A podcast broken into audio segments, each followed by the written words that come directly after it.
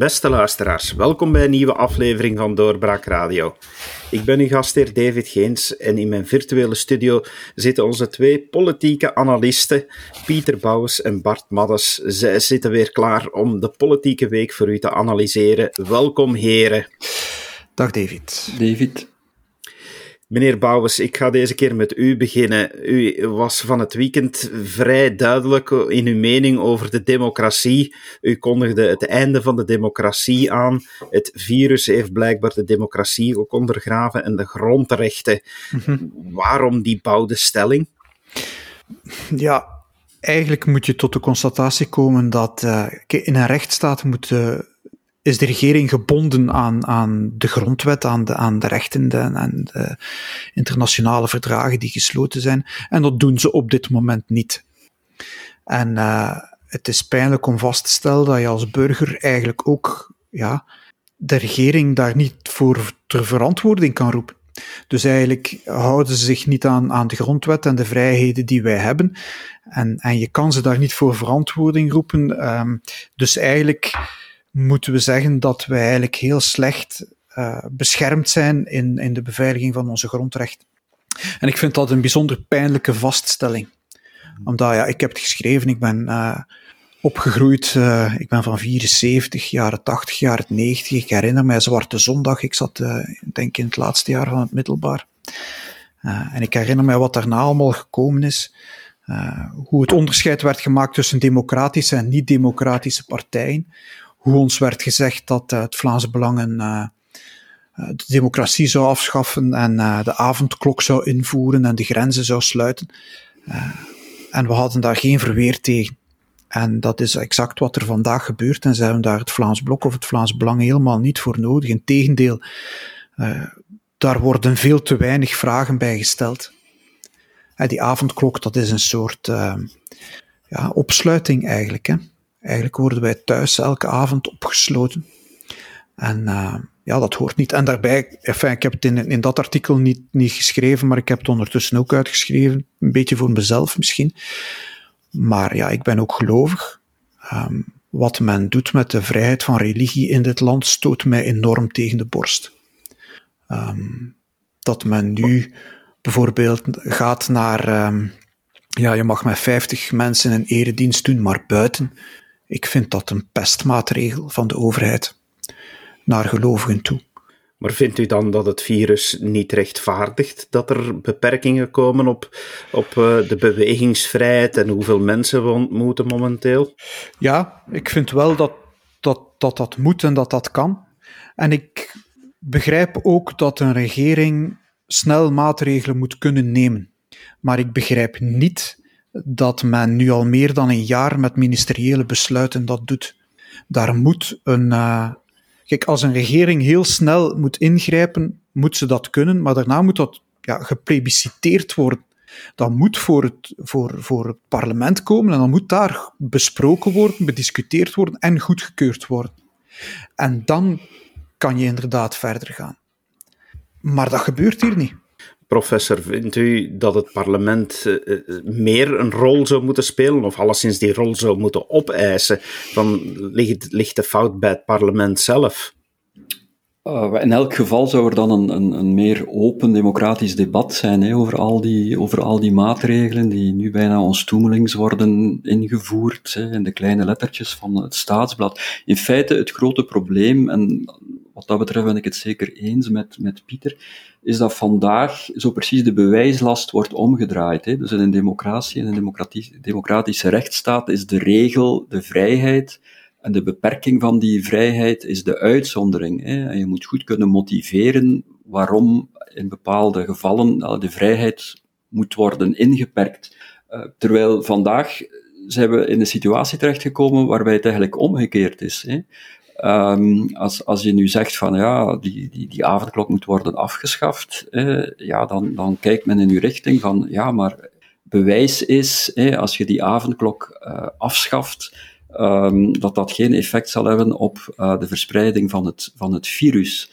Um, en uh, dus eigenlijk dat, dat is zo met, met, met alle vrijheidsbeperkende maatregelen eh, in verband met de coronacrisis.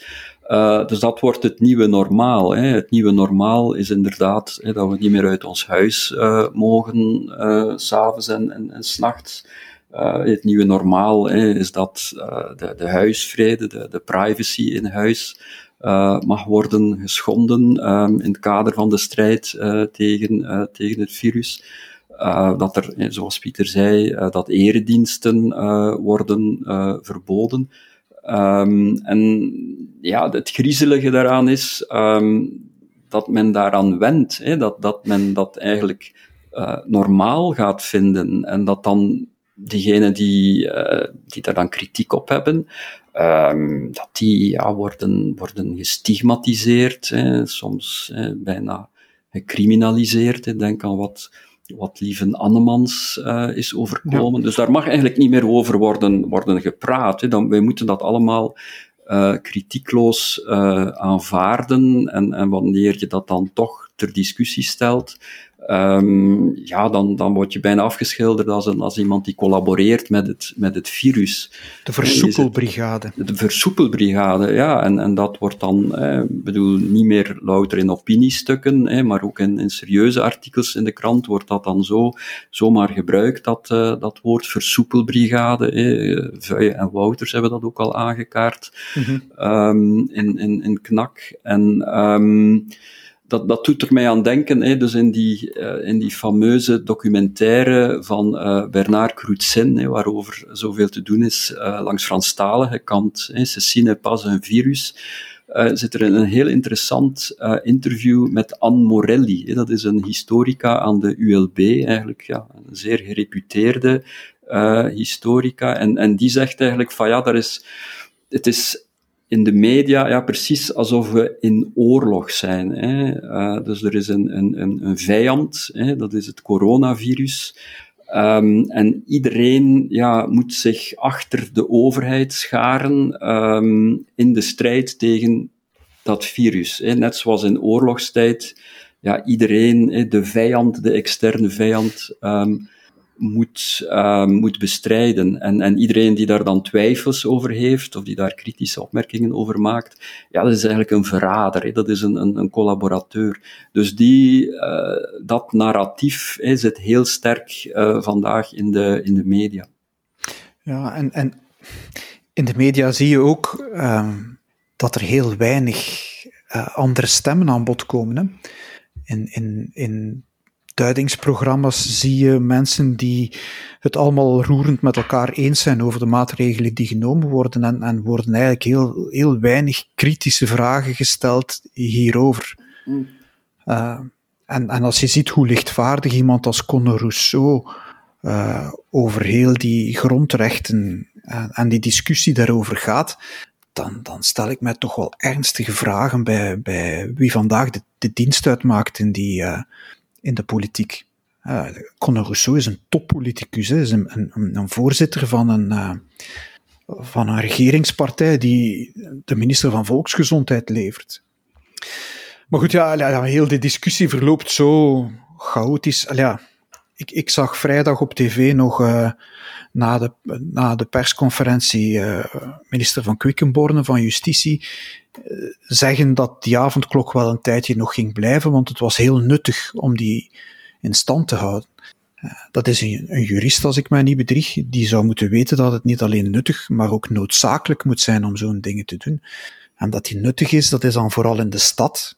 Ook, ook dat is een aspect dat hier meespeelt. Die, die tegenstelling tussen het stedelijke Vlaanderen en het, het minder stedelijke of het landelijke Vlaanderen, waar men zich de vraag stelt, waarom moet ik binnenblijven? Uh, het voorbeeld, waarom mag iemand uh, hier bij ons in, in Hofstade, bij Aalst bijvoorbeeld, s'avonds niet op het fietspad gaan wandelen met zijn hond? Ik zie niet hoe je daar corona van kan krijgen.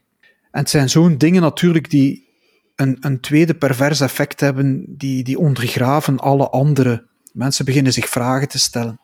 En die vragen worden niet gereflecteerd in de, in de media. En dan krijg je een soort ja, parallel systeem. En ik denk dat dat eigenlijk op termijn heel slecht is voor onze democratie. Ja, en als ze dan toch is, als, als ik daar onmiddellijk eens mag op inpikken, als het dan toch eens ter discussie wordt gesteld, of als er toch wordt over gedebatteerd, zoals een maand geleden, um, in, in de zevende dag, dat fameuze debat tussen Pierre van Damme enerzijds en dan Hilde de Smet en, en Sam Brokken. Ik vond dat eigenlijk een heel boeiend en sereen debat, met woord-wederwoord, waar dat Pierre van Damme mij eigenlijk wel overtuigd heeft. Dus ik vond die echt heel sterk. Um, maar dat mag dan niet. Dus de VRT heeft daar dan enorm veel kritiek uh, op gekregen omdat ze dus, dus die, die hielden de smet een huisarts, die dus om allerlei redenen uh, tegen het vaccineren is, maar ook, ook Sam Brokken, dus een lector gezondheidswetenschappen, uh, die eigenlijk meer het, het, het coronabeleid in het algemeen bekritiseerde. Dus dan was de kritiek van, ja, je mag die mensen eigenlijk niet aan, aan het woord laten op de openbare omroep. Zelfs al krijgen die dan wederwoord, van in dit geval Pierre van Damme. Dus het debat mag zelfs niet gevoerd worden. Nee, dat is inderdaad wel heel duidelijk. Ik uh, sprak uh, deze week nog, en die podcast uh, komt, komt nog eerstdaags online, sprak ik met bijvoorbeeld Joël de Keulaar, en die zei dat ook heel duidelijk, en dat is dan toch ook een voorname figuur in de Vlaamse media, dat de VRT een fout gemaakt had door die mensen aan het woord te laten. Meneer Bouwers, u bent hoofdredacteur van een Vlaams gezinde website, Doorbraak. als u dan kijkt naar, naar de media, vindt u, en ik ga de vraag dubbel stellen. Vindt u dat wij als doorbraak eh, in de Vlaamse media die rol voldoende spelen? En anderzijds ziet u een verschil met bijvoorbeeld aan de Franstalige kant, dat de media dat daar toch anders aanpakt? Um, ja, wij hebben uh, een maand geleden Bernard Crutzen van de uh, reportage waar professor Maddes het daar net over had, n'est pas un complot, hebben wij al aan het woord gelaten. Uh, omdat we het toch belangrijk vinden. En wij zijn eigenlijk ook, uh, om de twee vragen in elkaar te draaien, uh, meer de Franse, Franstalige media gaan volgen, net omdat daar um, veel meer kritiek is. Wat wij wel merken, is dat heel dat idee van um, ja, tegenstanders laten, laat je niet aan het woord. En, en, en, en wat met uh, professor Annemans is gebeurd, uh, wel in de hoofden speelt van mensen die daar anders over denken. Uh, doorbraakjournalisten hebben mensen aan de lijn en, en hebben contacten met mensen die het beleid ook, ook vanuit virologisch aspect, wetenschappers, die zeggen van ja, het, het moet en het kan anders. Ehm, maar velen willen daar niet on the record, zoals dat dan uh, in journalistieke termen heet, over spreken. Velen doen dat off the record, willen dat anoniem wel doen, maar, maar dan, heeft, ja, dat, dan heeft dat geen draagkracht. Je kan dat als journalist niet brengen met alleen anonieme stem. Uh, we hebben wel vorig weekend een stuk gebracht van, uh, van Philip Michiels, met een aantal experts die zich dan wel hebben uitgesproken van ja, hoe kan je nu op een op een verstandige manier toch een aantal dingen versoepelen zonder virologisch heel veel risico te lopen. Wat ik een heel goed stuk vond, uh, dat ook veel gelezen is. Dus ja, wij doen wel ons best. En, en wij proberen echt wel om, om met doorbraak hier het verschil te maken. Maar je voelt dat, dat de vrees groot is uh, bij mensen die een, een tegenstelde opinie hebben. Wat wel speelt aan Franstalige kant, en, en dat zeggen de Franstaligen zelf ook in hun media, is dat daar de, ja, zeg maar de bekende virologen, eh, uh, Vliegen en Van Ranst bijvoorbeeld, uh, veel minder in Franstalig België een rol spelen, veel minder echt de dienst uitmaken, um, en waardoor er daar een soort ja, grotere vrijheid is ontstaan om, om andere opinies te uiten in de media. En ik denk dat dat wel een rol speelt en dat dat, dat, dat zorgt voor een, een, een vrijer denken aan Franstalige kant. Professor, vindt, vindt u dan ook niet dat uh, vanuit de Franstalige kant dat men eigenlijk ja, toch laat zien dat alles communitair is in België en dat men daar nu zich eerder ook afzet tegen het feit dat de hele virocratie, zal ik het maar noemen, dat die voornamelijk uh, wordt bepaald of dat de lakens daarin worden uitgedeeld door Vlaamse virologen en aanverwanten. Is, is misschien daarmee dat men uh, meer verzet vindt aan Franstalige kant? Mm, dat heeft er voor een stuk mee te maken, ehm, denk ik. Uh, maar ik zou het zeker niet daartoe willen reduceren. Hè. Uh, ik, ik, ik, merk in de Franstalige pers hè, dat men veel kritischer is uh, ten opzichte van het, het coronabeleid, ook, ook los van die communautaire aspecten. Um, ik, ik, verwees al, Ceci n'est pas un complot, dat, die documentaire heeft ook ja, veel echo's gehad in de, in, in de mainstream um, media. Um, en en enfin, die documentaire is ook niet echt communautair, dus daar, daar, daar gaat men niet echt de communautaire tour op. Uh, maar een ander voorbeeld is dat men in de Franstalige pers eigenlijk al maandenlang um, enorm kritisch is um, rond de problematiek van de, van, van de data, dus bescherming van uh, uh, privégegevens. Um, en ja, de manier waarop dat eigenlijk privégegevens nu worden gebruikt, misbruikt in het, in het kader van dus de, de tracing en nu ook de, de vaccinatie. Um, en daar is het wel zo, dat moet ik wel toegeven, um, dat de, de, de, de persoon die daar vooral wordt um, geviseerd, uh, is inderdaad een, een Vlaming, Frank Robben. Dus de architect van de, de, de kruispunt databank in zaken sociale zekerheid. uh, ook um, de, een van de leidende figuren van het, het SMALS, hè, dat is een VZW die zich bezighoudt uh, met het databeheer van de, uh, van de federale overheid. Um, en dus die, die, die Frank Robben um, is ook uh, lid van het kenniscentrum van de gegevensbeschermingsautoriteit, dus de GBA. En dus hem wordt eigenlijk belangenvermenging uh, aangevreven. Dus ik denk wel uh, dat dat hier meespeelt, dus dat het hier om een, om een Vlaming gaat. Um, maar het is meer dan dat. Hè. Dus uh, je voelt wel langs Franstalige kant dat er um, een, een, een, veel grotere sensibiliteit is uh, rond die hele problematiek, rond de bescherming van de, van de privacy. En vandaag nog uh, staat er in Le Soir een hele pagina over, over plannen van het SMALS om een soort super kruispunt databank te creëren waar eigenlijk alle mogelijke data eh, over alle Belgische burgers worden gecombineerd. Zowel op het vlak van gezondheidszorg, als sociale zekerheid, eh, als fiscaal, als op het vlak van, van justitie. Eh, dus men zou dat eigenlijk allemaal linken aan elkaar op basis van het, het Rijksregisternummer. Um, en, en dat dan ook, zij het dan tussen aanhalingstekens geanonimiseerd openstellen voor externe gebruikers.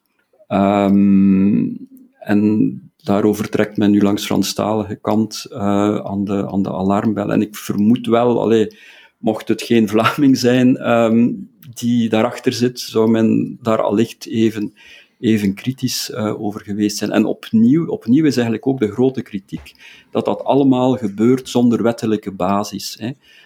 Um, dus dat zijn evoluties hè, die eigenlijk enorm snel gaan, omdat natuurlijk technisch wordt er, wordt er steeds meer mogelijk. Uh, en de wetgever loopt daarachter aan. Hè. De wetgever heeft daar eigenlijk geen vat op. Daar komt nooit een, een open publiek debat um, in het parlement, waar dat men dan voordelen en nadelen van, van dat soort zaken uh, tegen elkaar afweegt. Over Frank Robben zijn we trouwens in de redactie uh, David al een tijdje aan het werken. Die man zit eigenlijk op een, op een ongelooflijke plaats en heeft eigenlijk ongelooflijk veel in handen. En daar uh, moet je je wel vragen over stellen. En, en het is raar dat die inderdaad alleen in Franstalig België wordt gesteld en bijna niet in de Vlaamse pers. Nu, um, heel, heel dat, dat gedoe over data brengt eigenlijk nog een ander uh, probleem naar boven. En, en ja, zeg maar Belgische verrommeling in heel het digitale gebeuren in België. Eigenlijk moet je zeggen dat zowat elke FOT, elk Vlaams agentschap, elk uh, onderdeel van de overheid zijn eigen digitalisering heeft gedaan en, en dat we nu, als we proberen die, die databanken met elkaar in contact te brengen, uh, botsen op enorme moeilijkheden om die met elkaar te laten spreken. Uh, dus ja, ook, ook naar digitalisering toe heeft, heeft corona de, de systemen wel sterk onder druk gezet. We kunnen daar natuurlijk heel kritisch voor zijn, meneer Bouwens, maar anderzijds is het dan toch ook wel een feit dat we heel kritisch zijn voor de slechtlopende vaccinatiegolf in Vlaanderen. En voor een deel wordt er ook vaak bijna gelachen met het feit dat er, dat er zoveel misloopt, dat mhm. e-mails bij de foute personen komen, dat, mhm. dat men niet eens de juiste groepen eerst kan uitnodigen en dat gemeentes zelf reservelijsten moeten aanleggen. Dat zou toch allemaal opgelost worden met zo'n superdatabank, maar daar staat dan de privacy wel tegenover. Er lopen verschillende dingen inderdaad mis. Eén ding dat fout loopt is dat er inderdaad verschillende databanken niet met elkaar te of moeilijk met elkaar te connecteren zijn. Dat je verschillende systemen hebt ja, die, die, die men moeilijk met elkaar kan combineren. Twee, um, je kan wel een databank hebben, maar je moet natuurlijk ook die databank verzorgen. En die databank moet uh, up-to-date gehouden worden. Nou, als je een databank hebt met e-mailadressen, maar die is niet up-to-date, dan ben je daar niks mee. En dat is wat men ook, ook, ook heeft, ja, wat men hier tegen, waar tegen botst. Hè. Blijkbaar uh, heeft het RISIF uh, niet, niet een, een, goed onderhouden databank. Iets wat ik uh, bijzonder eigenaardig vind persoonlijk, maar goed. Um, waar het gaat over vaccinaties heb je langs de ene kant dat probleem, hè, dat zogenaamde Dockler dus, dus waar het, waar het systeem dat dat allemaal moet samenbrengen, dat, dat foute informatie krijgt of slecht onderhouden databanken en er niet in slaagt om alle informatie binnen te trekken. Daarnaast heb je natuurlijk uh, de vaccinatiestrategie, die um, ja, veel te conservatief is aangezet moeten we nu wel zijn. Als je dat vergelijkt met andere landen, uh, Groot-Brittannië en Israël is, al vaak genoemd, ja, dan, dan, dan moet je toch toegeven dat wij hier eigenlijk uh, heel veel dosissen in, in de diepvries hebben gehouden. En, en als men dan twee, drie weken geleden uh, zegt van er is een, een derde golfopkomst en er vallen opnieuw meer doden en, en, meer mensen, ja, dan moet je denk ik uh, slim zijn en die vaccinatie versnellen. Dus ja, heel die, heel die discussie over vaccinatiestrategie heeft twee kanten. Hè. De, de, de, de strategie en de politieke beslissing daarvan. En dan ja, de, de, de technische, digitale uitwerking. En, en, en ja, bij alle twee valt wel, uh, vallen wel opmerkingen te maken. Mm. Professor, we hebben het nu de hele tijd over die vierde macht van de media, uh, als het gaat over de discussie in die grondrechten en zo. Maar om eens terug te keren naar het parlement en de politiek in het algemeen, is de oppositie ook niet te braaf en te stil op dit moment om daar grandioos mee uit te pakken? Ja, dat is inderdaad zo. Natuurlijk, de, oppositie zit daar, zit daar heel moeilijk. Hè. Um, ik denk wel ja, dat er zo in de, in de maatschappij steeds meer een, een, echte breuklijn ontstaat. Hè. Je hebt diegenen die, die echt de coronamaatregelen heel strikt naleven en voor wie het allemaal niet, niet streng genoeg uh, kan zijn. Um, en je hebt dan een groep die, die kritischer is, um, die, ja, die vindt dat er te veel uh, collectieve hysterie is, te veel, uh, te veel bangmakerij. En als, als, je, als je merkt, als je praat met mensen, dan, dan voel je dat onmiddellijk. Hè? Dan voel je onmiddellijk tot welk kamp uh, ze, ze behoren. Dus ik denk wel dat er momenteel een, een, een niche is in de electorale markt voor, voor, voor, voor politieke partijen die echt zouden inzetten op, ja, hoe moet ik het noemen, het, het wantrouwen in zaken corona. Um, alleen is dat natuurlijk zeer, zeer riskant. Hè? Dus als je, als je nu echt die, die gaspedaal zou indrukken als, uh, als politieke partij.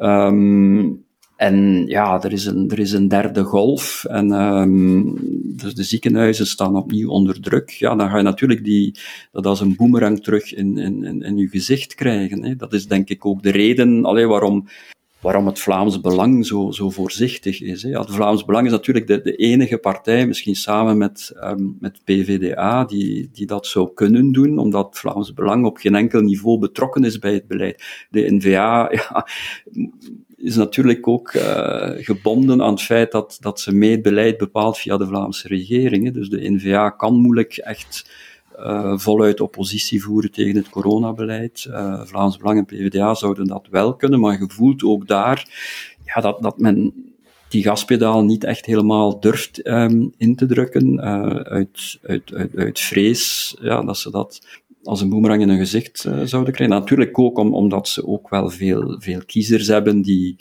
uh, ja, die, die echt wel heel bang zijn voor, voor corona. Hè. De, de meer oudere kiezers, um, die, die ook niet zouden aanvaarden dat hun eigen partij uh, dat dan allemaal in, in twijfel zou trekken. Dus de part politieke partijen zitten daar, zitten daar heel moeilijk. Ik heb ooit eens gezegd van ja, eigenlijk is dat zo'n een, een niche voor de de politieke lefgozers, de, de durvers die, uh, die niets meer te verliezen hebben. Genre Jean-Marie de Dekker, hoewel dat hij natuurlijk wel gelinkt is aan, aan NVA. Uh, maar Modric Men van de, de vroegere Parti Populair, dat, dat soort politici, denk ik wel, zouden daarop kunnen, uh, kunnen inspelen. Maar voor de mainstream partijen en de grotere partijen uh, is dat toch heel, heel riskant. Dat is het interessante, vind ik ook nu bij wat we zien met die avondklok. N-VA die nu een, een, een voorstel neerlegt in, in, in het parlement en eigenlijk zo ja, het, het debat wil uitlokken.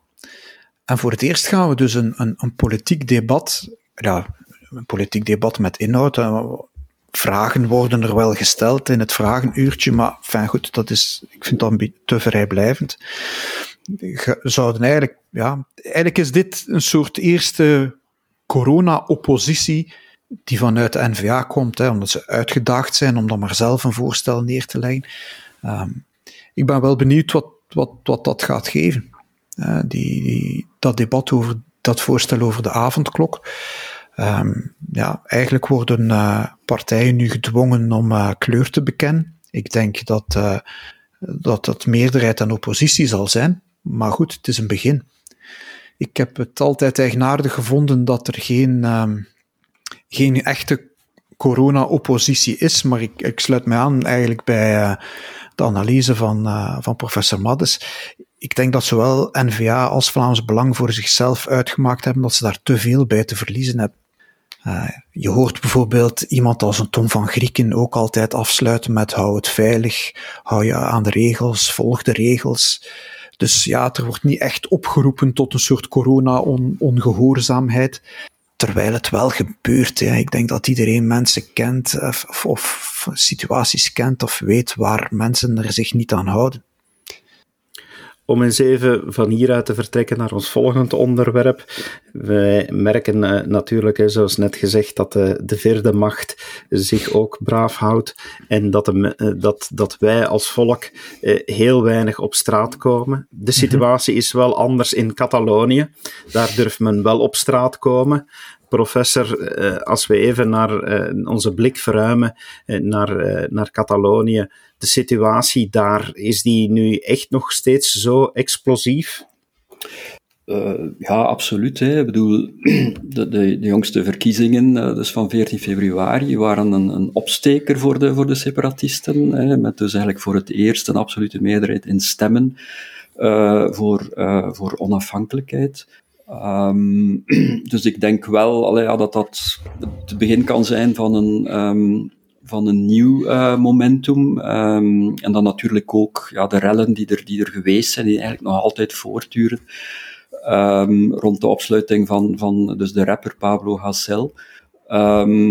Dus dat wijst er inderdaad op ja, dat uh, de onafhankelijkheidsstrijd in, in Catalonië live and kicking is. Hè. Terwijl anderzijds ook uh, ja, de repressie onverminderd doorgaat. Hè. We hebben dus eigenlijk de, de, beslissing gehad nu gisteren uh, van het Spaanse gerecht, om, om dus eigenlijk het, uh, het halfvrije regime voor politieke gevangenen, om dat niet op, ongedaan te maken. Hè. Dus die worden nu opnieuw voor 100% achter de tralies gehouden. Uh, vorige week uh, is ook het, uh, het proces begonnen tegen de, de leden van de kiescommissie voor het, voor het referendum, de zogenaamde Sindicatura Electoral. dus dat waren een aantal academici, die dus in opdracht van de Catalaanse regering moesten toezien op het goed verloop van, het, ehm, van het referendum. Hè. En uiteindelijk is er dan een arrest gekomen van het grondwettelijk hof, dus in, in september 2017, dat dus een heel zware dwangsom heeft opgelegd voor die leden van de commissie, als ze geen ontslag zouden nemen. En uiteindelijk hebben, hebben die dan ehm, in de onmiddellijke aanloop um, naar het referendum van 1 oktober 2017 hebben die dan ontslag genomen uit die commissie.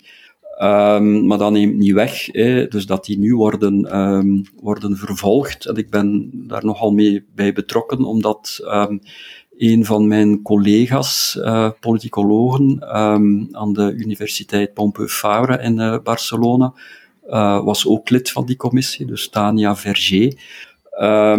En haar hangt nu ja, een, een, een gevangenisstraf van twee jaar boven het hoofd. Hè. Dus dat is eigenlijk iets, iets onbegrijpelijk. Um, ook omdat die leden van die, van die kiescommissie, ja, die hebben eigenlijk enkel maar gedaan wat dat ja, de overheid, namelijk de Catalaanse regering, vroeg. Dus als er al sprake is van een, van een misdrijf hier, ja, dan, dan, dan, dan, zijn, dan is dat de regering. Uh, dat zijn niet die, die academici die gewoon zijn ingegaan op een vraag van de Catalaanse regering, um, die, uh, die, die, die nu moeten worden gestraft met een, met een gevangenisstraf van, van twee jaar. Um, en als je dan ja, vraagt van wat is, wat is de inschatting, uh, wat, wat, zal de rechter daar, daar beslissen, ja, dan zegt iedereen van ja, dat hangt eigenlijk af van de politieke overtuiging van de rechter. Je kunt geluk hebben dat je terechtkomt bij een um, iets meer ruimdenkende rechter, die, die inderdaad, zoals ik daar straks zei, zal zeggen van ja, dat is niet de fout van die, van die academici. Ze, hebben, ze zijn ingegaan op een vraag van de overheid.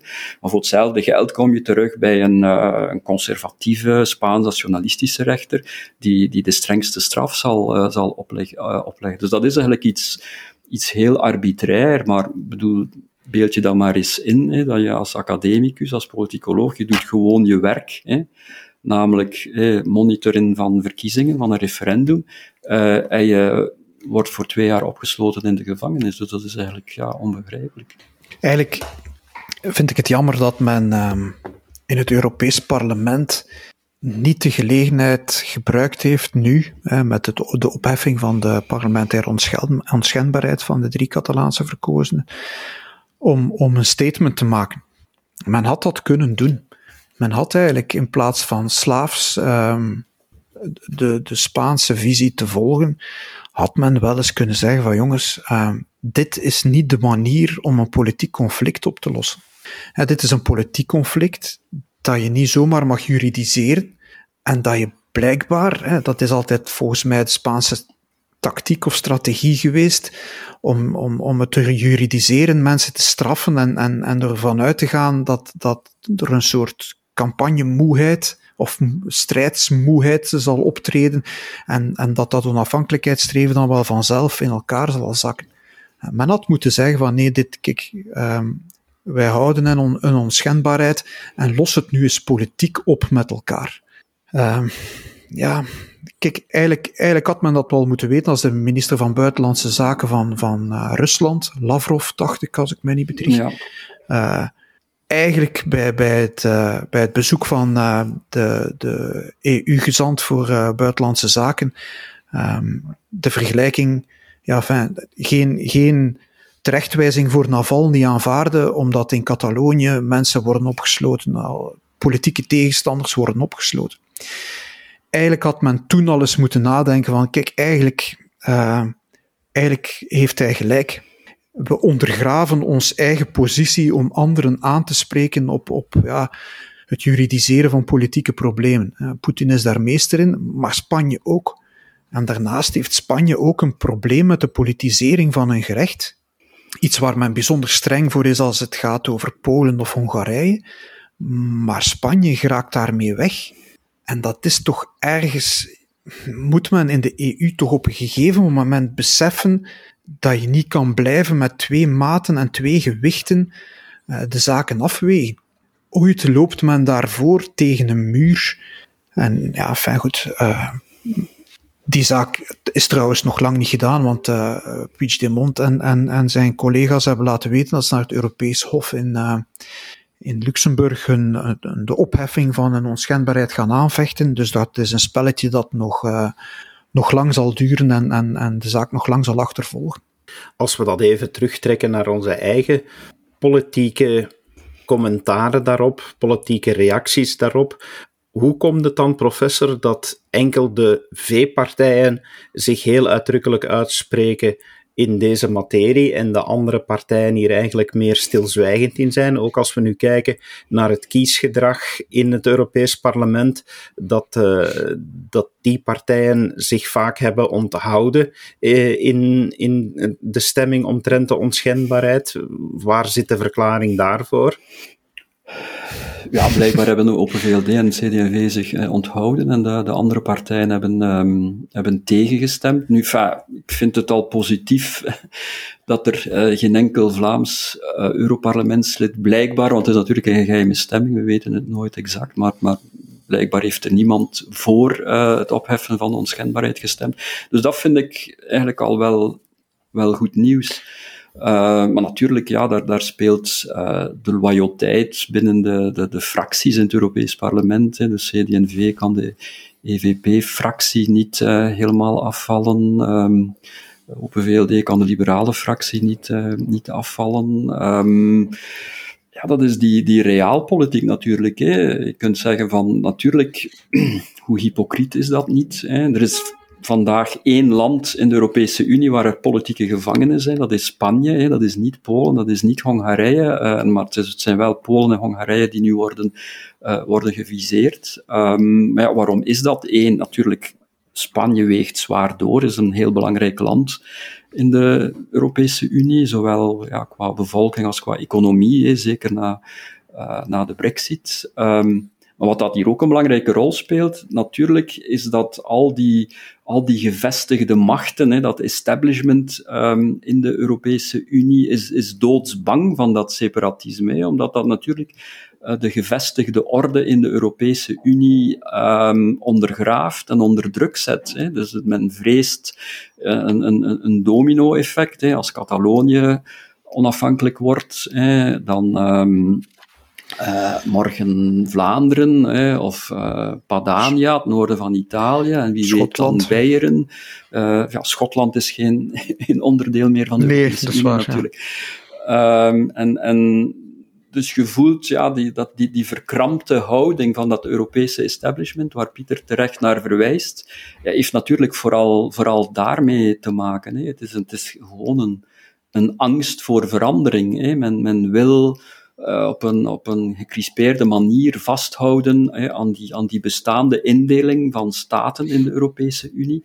Um, en en men, ja, men kan zich niet inbeelden ja, dat die, die, die, die grenzen op de, op de kaart van de Europese Unie, ja, dat, dat, uh, dat die eerst of laatst wel eens zullen veranderen. Hè. Dus dat, dat staat allemaal niet in, in steen uh, gebeiteld.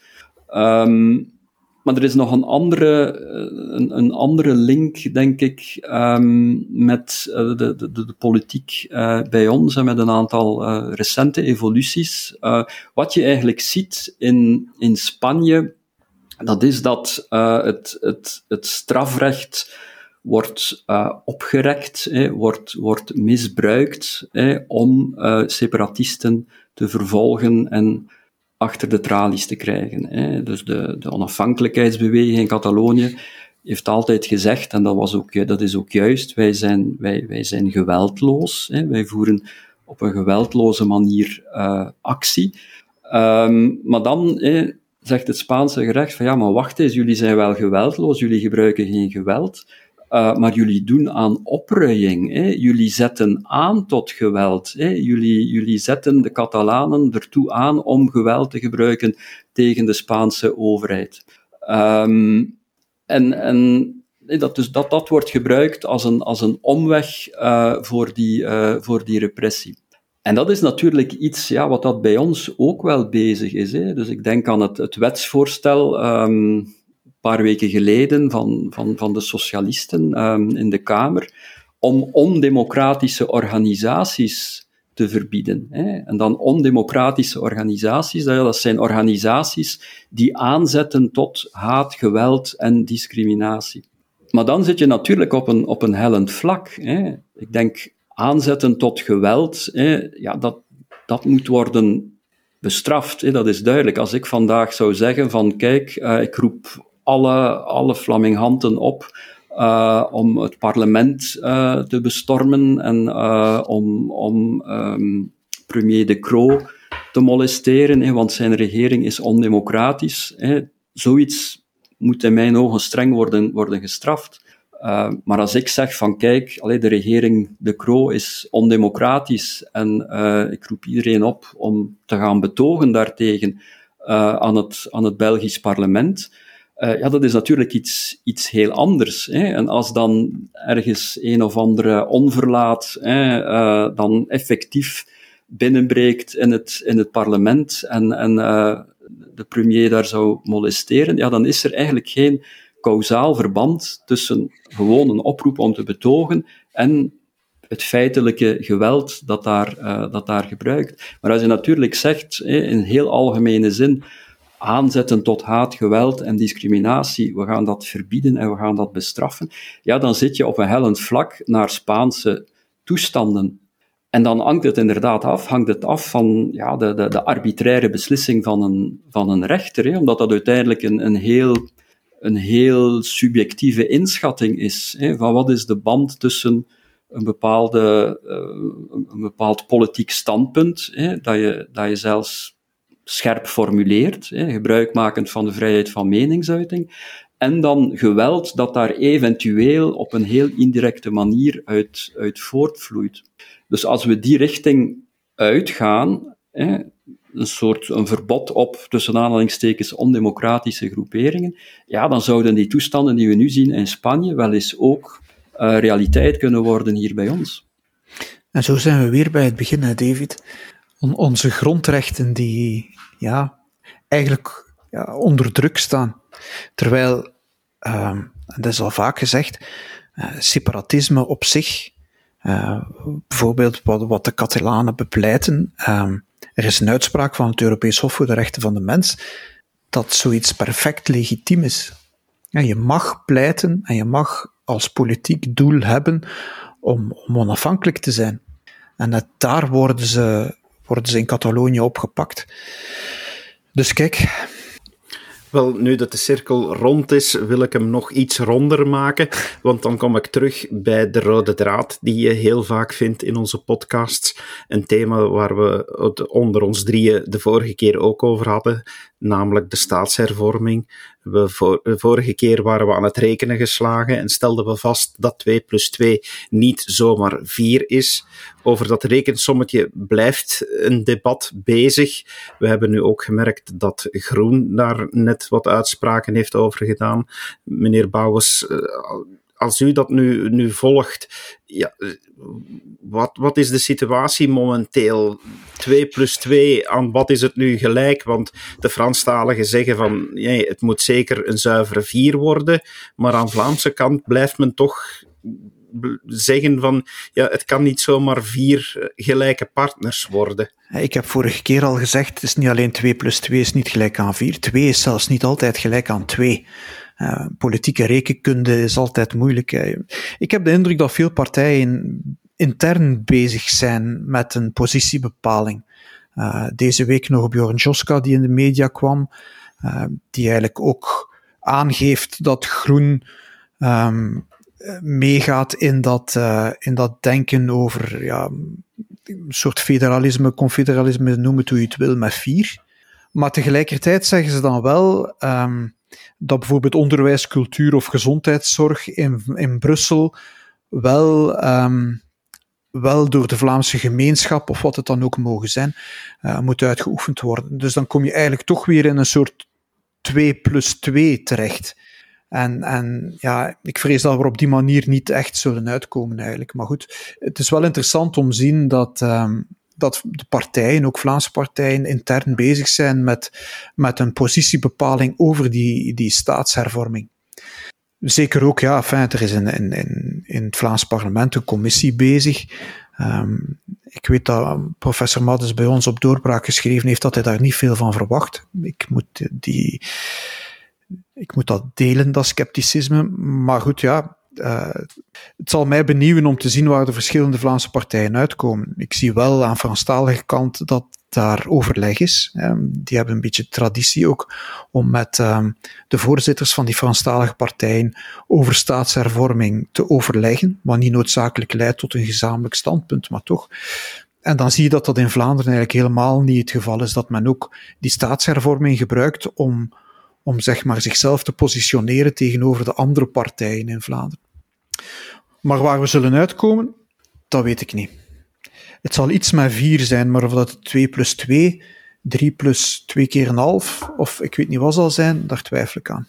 Professor, ziet u daar een richting in, in, in het feit dat verschillende partijen nu een stellingen beginnen in te nemen? Is het inderdaad dat men zegt van ja, het zullen gewesten worden, maar we gaan toch een paar uitzonderingen voorzien in Brussel, waarbij zaken zoals cultuur, onderwijs en gezondheid alleszins voor de Vlaamse Brusselaars eh, apart zal gehouden worden en toch vanuit Vlaanderen zal behandeld worden. Zit er een bepaalde richting in? Ja, er zit inderdaad uh, een richting in. Je ziet dat dat debat bijna van dag tot dag evolueert. Vandaag in, in, in Le Soir is er een nieuwe stellingname uh, van David Lester van de, van de In, in Brussel, die eigenlijk zegt van kijk, laat ons gaan voor, voor, voor vier gewesten. Um, maar um, de gemeenschappen blijven bevoegd voor cultuur, onderwijs en media in Brussel.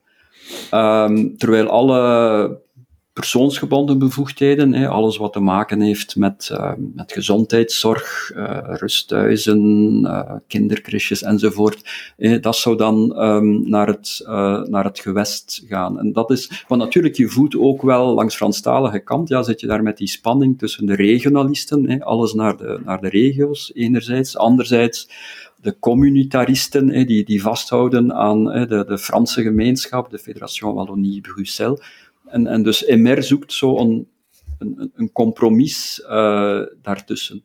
Maar hoe dan ook, hè, van zodra dat je de gemeenschappen bevoegd laat voor wat dan ook in, in, in Brussel, uh, ja, heb je een institutioneel vehikel nodig uh, daarvoor. Hè? Want die, die Lester die zegt ook van ja, we gaan, hè, we gaan de, de VGC en de KOKOF, we gaan dat afschaffen. Uh, maar we gaan wel de gemeenschappen dan bevoegd laten voor, voor onderwijs, uh, cultuur en, en, en media. Maar natuurlijk, bedoel, die, die VGC is natuurlijk een heel nuttig instrument voor de, de Vlaamse overheid om beleid te voeren op vlak van gemeenschapsbevoegdheden in Brussel. Hè. Dat, is een, ja, dat is een soort uh, zesde Vlaamse provincie, eigenlijk, die, die, die, die VGC. Uh, dus ik denk dat het niet goed zou zijn voor Brussel als men zou zeggen van we gaan die VGC, of dan langs Franstalige kant de KOKOF, um, afschaffen. Maar we gaan wel eh, dus de Vlaamse en de Franstalige overheid de bevoegdheid geven om rechtstreeks eh, een beleid te voeren voor de gemeenschapsbevoegdheden um, in, in, in Brussel. Dus van zodra dat je dus die, die gemeenschapsbevoegdheden in Brussel, in het Brussels gewest, intact laat, ja, dan ga je kom je terecht bij de institutionele complexiteit die we, die we vandaag al, uh, al, al hebben.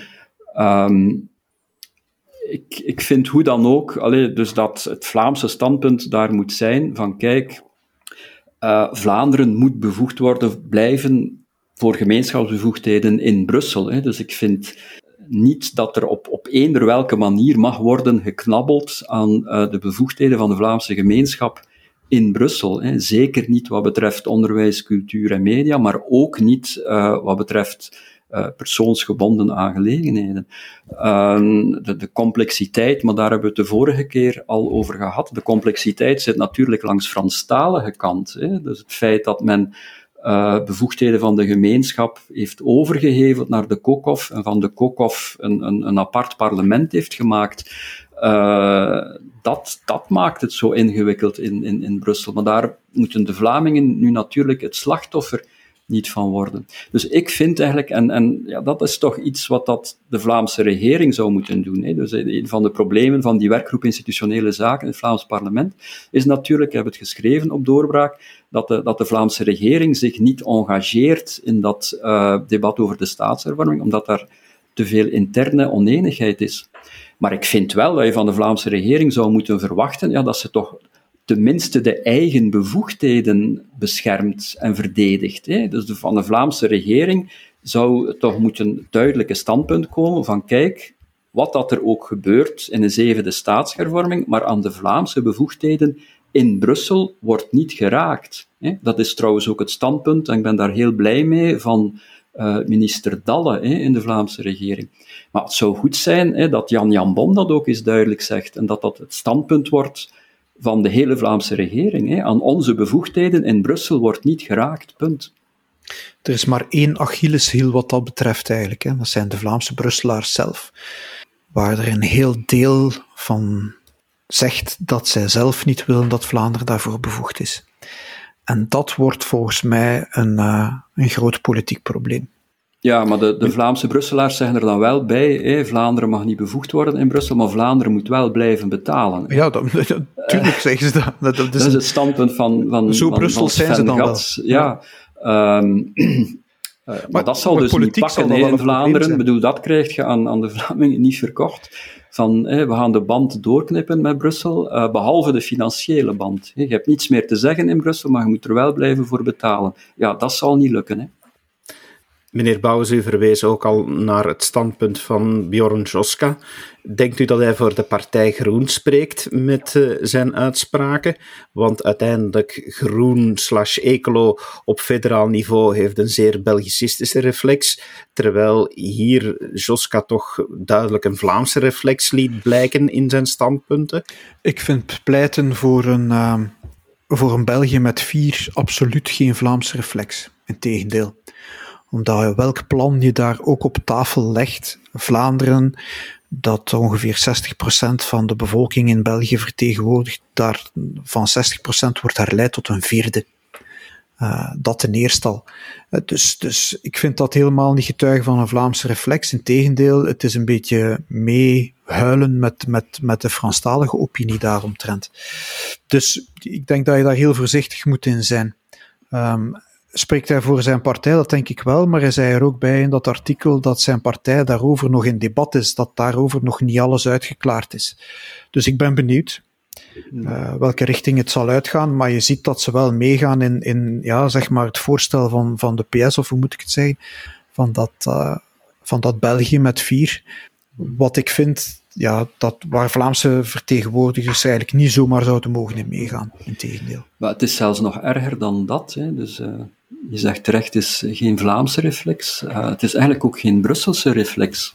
Omdat uh, dat zou natuurlijk enorm in het nadeel zijn van, van de Brusselaars. Hè. Uiteindelijk het feit dat, dat er zo'n sterk kwalitatief hoogstaand onderwijs is, uh, Nederlandstalig onderwijs in Brussel, ja, dat is het gevolg van de, de Vlaamse overinvestering de overinvestering van de Vlaamse gemeenschap um, in, in Brussel. In Brussel ja. Die cijfers stonden begin van deze week stonden die nog in, in, in Le Soir. Hè. Dus het feit dat er bijvoorbeeld veel meer werkingsmiddelen gaan naar het Nederlandstalig onderwijs in Brussel uh, dan naar het Franstalig onderwijs. Hè. Dus de Vlaamse gemeenschap investeert veel meer in het onderwijs in Brussel dan de Franse gemeenschap.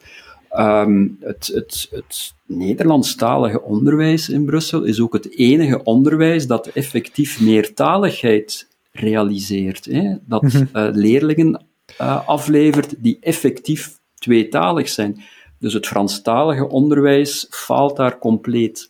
Dus dan vraag ik mij af, ja, is het dan in het belang van, van de Brusselaars dat je, dat je dan dat Nederlandstalig onderwijs zult laten opgaan hè, en dan een soort pseudo-meertalig onderwijs dat dan nooit zo sterk zal worden gefinancierd als nu het geval is?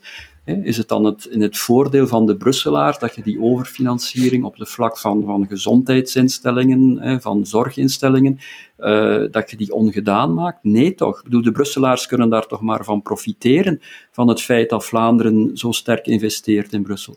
Ik denk dat we daarmee weer een duidelijke analyse hebben gemaakt van wat leeft. Dit is een thema dat zal blijven terugkomen en dat we zeker zullen blijven opvolgen in deze podcast.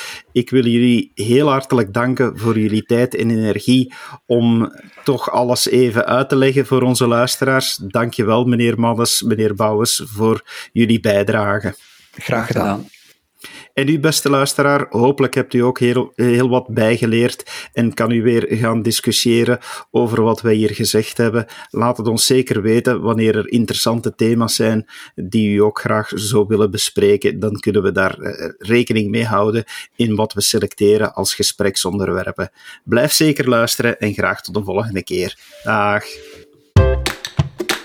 Dit was een episode van Doorbraak Radio, de podcast van doorbraak.be. Volg onze podcast op doorbraak.be/radio of via Apple Podcasts, Overcast of Spotify. Bezoek ook onze website op doorbraak.be en steun ons door een vriend te worden van Doorbraak.